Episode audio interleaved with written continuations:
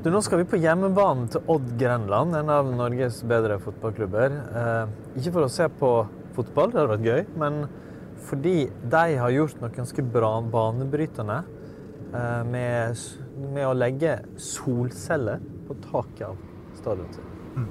Og det er helt nytt også. Det er bare én uke gammelt. Ja, altså jeg lurer på om kanskje vi blir de første som liksom gjester får komme opp og se. Og, og jeg gleder meg veldig. Eh, det er det, det, finnes jo selvsagt mange tak rundt omkring med, med solceller på, men det at, det at liksom en fotballklubb går foran, det må jeg bare si sjøl at jeg har veldig sansen is what is at stake. For en fremtid som var bærekraftig. Det blir ikke noe grønt skifte. Det er vår månelanding.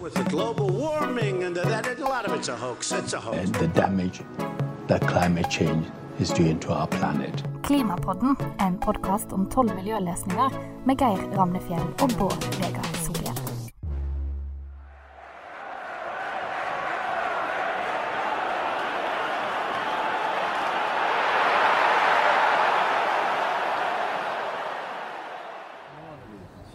Skal jeg klatre? Ja.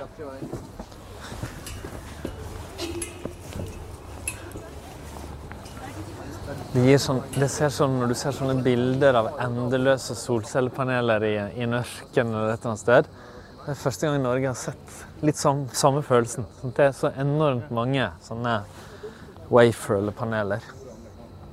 Uh, så det gir liksom en følelse av fornybar energi. Og du tenker deg mengden tak rundt omkring i Norge som egentlig bare ligger der, og man kunne gjøre det på, så er jo potensialet stort. I hvert fall en dag med finere vær enn vi har i dag. Sola gjør noe med oss. Vi har vel alle kjent hvordan vi kan suge til oss ny energi når vi tar oss en pause i en stressende hverdag, snur ansiktet mot sola, lukker øynene og kjenner at den varmer. Er du på reklamefilminnspilling her på Sola, eller noe sånt? Ja. Veldig sånn eh, voldsom start. Nei, men, oh, men det, OK, la oss følge opp den, for det er jo sant. sant? Eh, hele planeten følger på en måte solas rytme. Eh, økosystemet og alle små, store individer er absolutt avhengig av sola for å leve. Det Planter vokser, mat gror. Luften blir varm, dyra alt mulig er helt avhengig av sola, akkurat som vi mennesker det. Mm. Og det er noe ekstra forlokkende ved å bruke sola som energikilde til å produsere strøm. Og Derfor er det også noe forlokkende ved å lage en egen episode om sol. For vi skal jo ha en egen episode om teknologi neste uke. Og solenergi er jo uten tvil en teknologisk løsning, men den kommer til å være så enormt viktig ja, og så er den liksom sånn, Den er jo sånn superavansert, og vi må forske i 20 og få ta den i bruk og sånn. Tvert imot, sånn, den er der. Det er egentlig bare spre den og få den ned i pris. Fordi sola skinner jo på alle tak. Det, den er allemannseie, virkelig. Sola blir eh, sant, mest sannsynlig den dominerende energikilden i verden i siste halvdel av det århundret vi eh, lever i, fordi den rett og slett fins overalt og er så lett tilgjengelig. Og blant de som allerede har solceller på taket, er Andreas Torsheim i solenergiselskapet Otovo. På taket mitt så har jeg 35 eh, solcellepaneler. Da, når sola treffer dem, så lager de eh, strøm som går i en kabel fra taket og ned til en omformer. En boks som er på størrelse med en sånn koffert du kan ta med deg om bord på fly. Eh, og ut av den så kommer det da eh, vekselstrøm, samme som vi bruker på alle kursene i huset går i, strømmen går fra den boksen inn i sikringsskapet. Og eh, så lenge jeg bruker, eh, bruker, strøm da, så bruker jeg hjemmelagd strøm som er lagd på taket. Hvis jeg lager mer enn jeg bruker, så renner på en måte strømmen ut av huset mitt, forbi måleren. Og for alle praktiske formål så er det sånn at da går måleren baklengs. Da får jeg lavere, lavere strømregning. Hvis det er sånn at jeg lager litt solenergi og har høyt forbruk, så vil vil jeg først trekke på solenergien. Så eh, da går noe av strømforbruket mitt på hjemmelagd strøm. Og hvis ikke det er nok, så sørger Hafslund eller BKK eller hvem det er som er eh, på, på strømnettsida for å fylle på med det som trengs. Det er jo helt sømløst, du merker ikke, du merker ikke det. Solceller tradisjonelt sett i Norge så har det måte vært forbundet med avsidesliggende hytter som ikke har tilgang på vanlig strøm. Hva er solceller i Norge nå? Det er jo sikkert fortsatt en hyttesak, fordi varer jo rekker eh, fra 70-tallet og langt, i, langt, inn i måte, vår eh, tid. Um, og Norge var faktisk ledende på solceller per innbygger eh, på starten av 80-tallet pga. hyttedekninga vår. Men, uh, og så har jo solceller blitt et, noen ting som man har følt har vært mer nødvendig i andre land. Eh, hvor det har vært mer kullkraft, atomkraft og andre kraftformer man kanskje ønsker å avvikle. Og, um, og erstatte med vind og, og sol. Og uh, den solcellebølgen som har truffet Europa, India, Kina, USA de siste 20 åra, den har Norge ikke kommet på før nå nylig. Og vi er jo et av de landene i Europa med minst solceller per innbygger nå. Mm. Men hvorfor har det gått saktere i Norge? Nei, Det første er jo at vi har jo en, vi har en fryktelig bra kraftform eh, her i utgangspunktet, med mye vannkraft som er bygd ut sånn at den er nesten er tilstrekkelig for å dekke alt forbruket vårt til enhver tid. Um, så det har kanskje vært en mindre akutt behov og mindre på en måte folkebevegelse for å erstatte den kraftformen vi har hatt. Og så er det jo sånn at i tillegg til at vi har en bra, ren kraftform her i, i ganske stor utstrekning, så har vi hatt billig eh, pris på strømmen til forbruker. Lav, eh, lav, strømpris. Og da har det ikke vært før solceller begynte å komme ganske kraftig ned i pris at du kunne regne det hjem. I, i Norge da, som forbruker. Så vi måtte, måtte vente da til 2015-2016. Og så har jo prisene fortsatt å, å, falle frem til nå. Og nå dekker jo solcellelønnsomhetskartet eh, store deler av, eh, av Sør-Norge, da. Det er jo òg en bekvem myte som ikke minst mange politikere har kunnet hvile seg på, at det ikke er nok sol i Norge til å bygge solenergi. Men sannheten er at vi flere steder her i landet har like store muligheter som eh, land på kontinentet som Tyskland, som nå ligger i verdenstoppen i utbygging av solenergi. Akkurat det spurte jeg faktisk Andreas Torsheim om.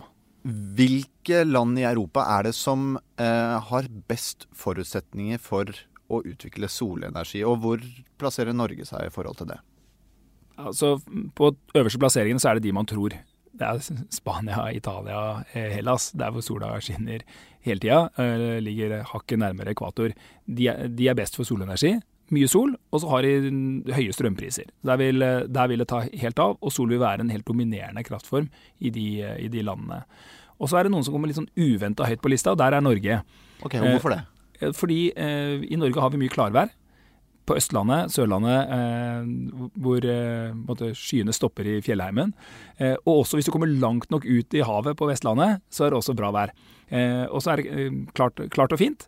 Og det er godt nok det for å få en god solressurs i, i Norge. Så eh, Norge og, og, Sverige har jo en solinnstråling som er på nivå med Amsterdam og Berlin eh, og, og, midten av Polen, som egentlig er litt overraskende for folk flest. Så solressursen er her. Den er bare litt ulikt fordelt gjennom året.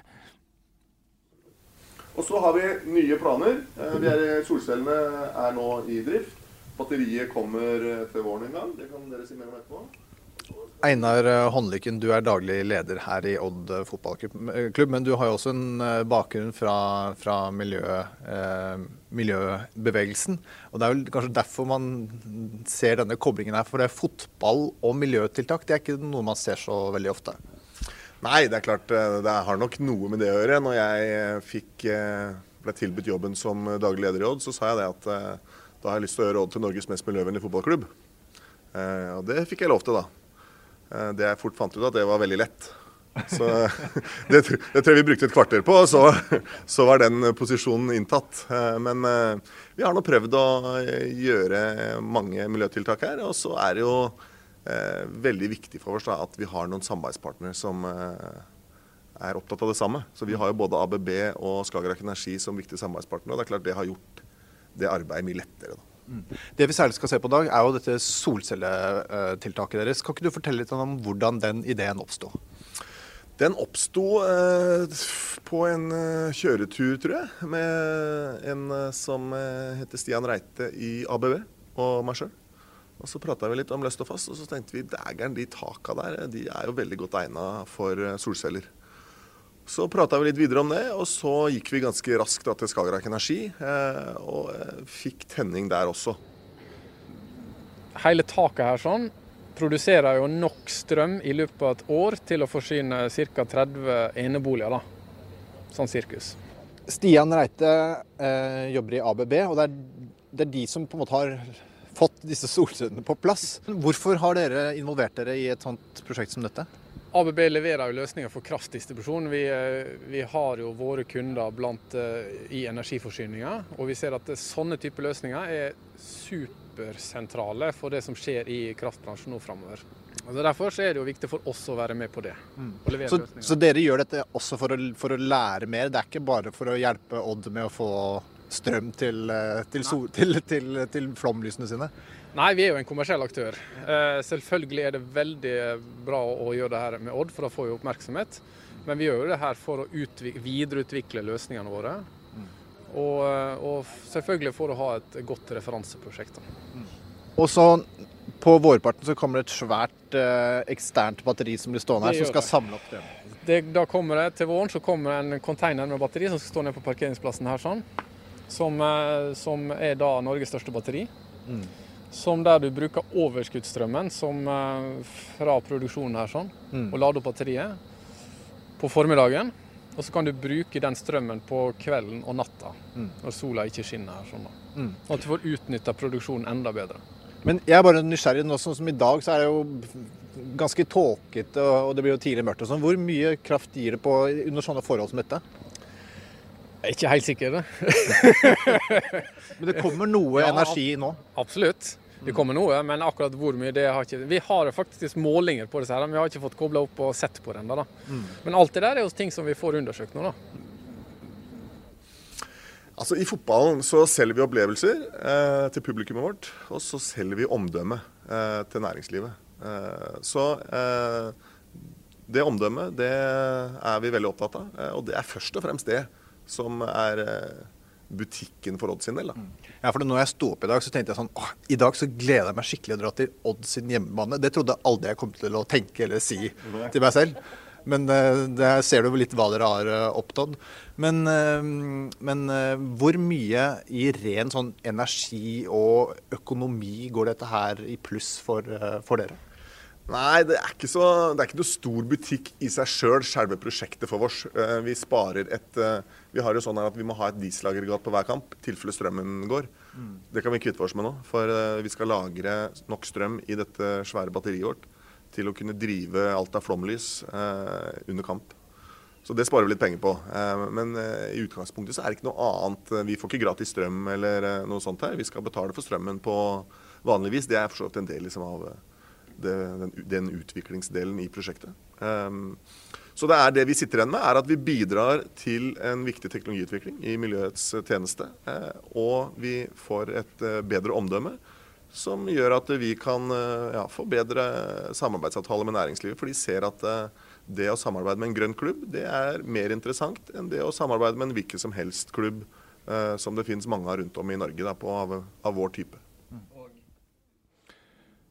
Sola skinner også på de som har aller minst. 1,3 milliarder mennesker i verden mangler tilgang på moderne energikilder, og solceller kan dermed endre liv.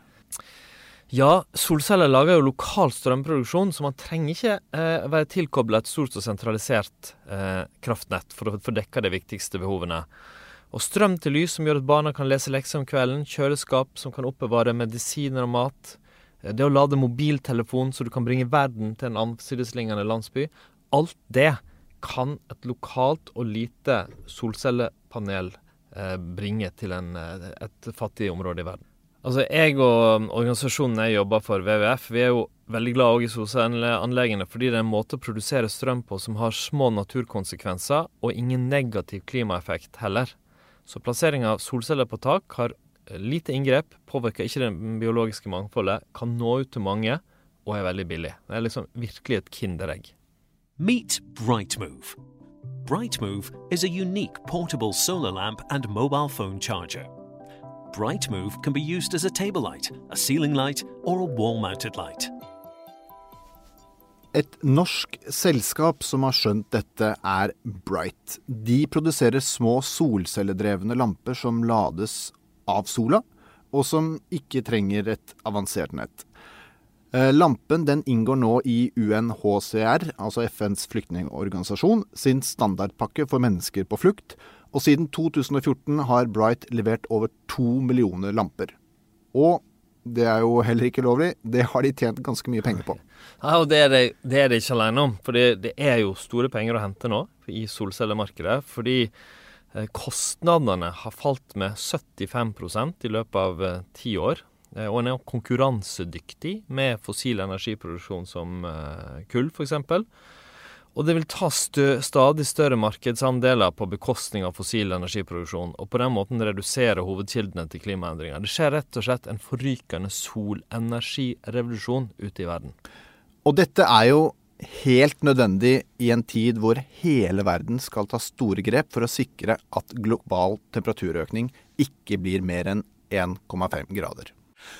Bård Vegard, nå har vi kommet til det punktet i programmet hvor uh, du, skal, um, du skal opplyse oss. Um, du skal rangere på en skala fra 1 til 12, hvor 1 er det minst viktige og 12 er det mest viktige. Hvor viktig sol er uh, som en del av klima- og miljøløsningene. Hvor vil du plassere sol? Sol er jo avgjørende viktig. I tillegg til at det er som grunnlaget for liv, så er det òg trolig den viktigste enkeltkomponenten i klimaløsninga. Uh, fordi, det, ja, fordi det vil være den dominerende uh, energikilden, og, og, er så lett tilgjengelig. Så jeg tror, jeg tror vi må si ti, rett og slett, av tolv. Ikke mer enn ti? Nei, men jeg, jeg, føler at jeg har Det er liksom jeg har, Det har gått litt inflasjon i det.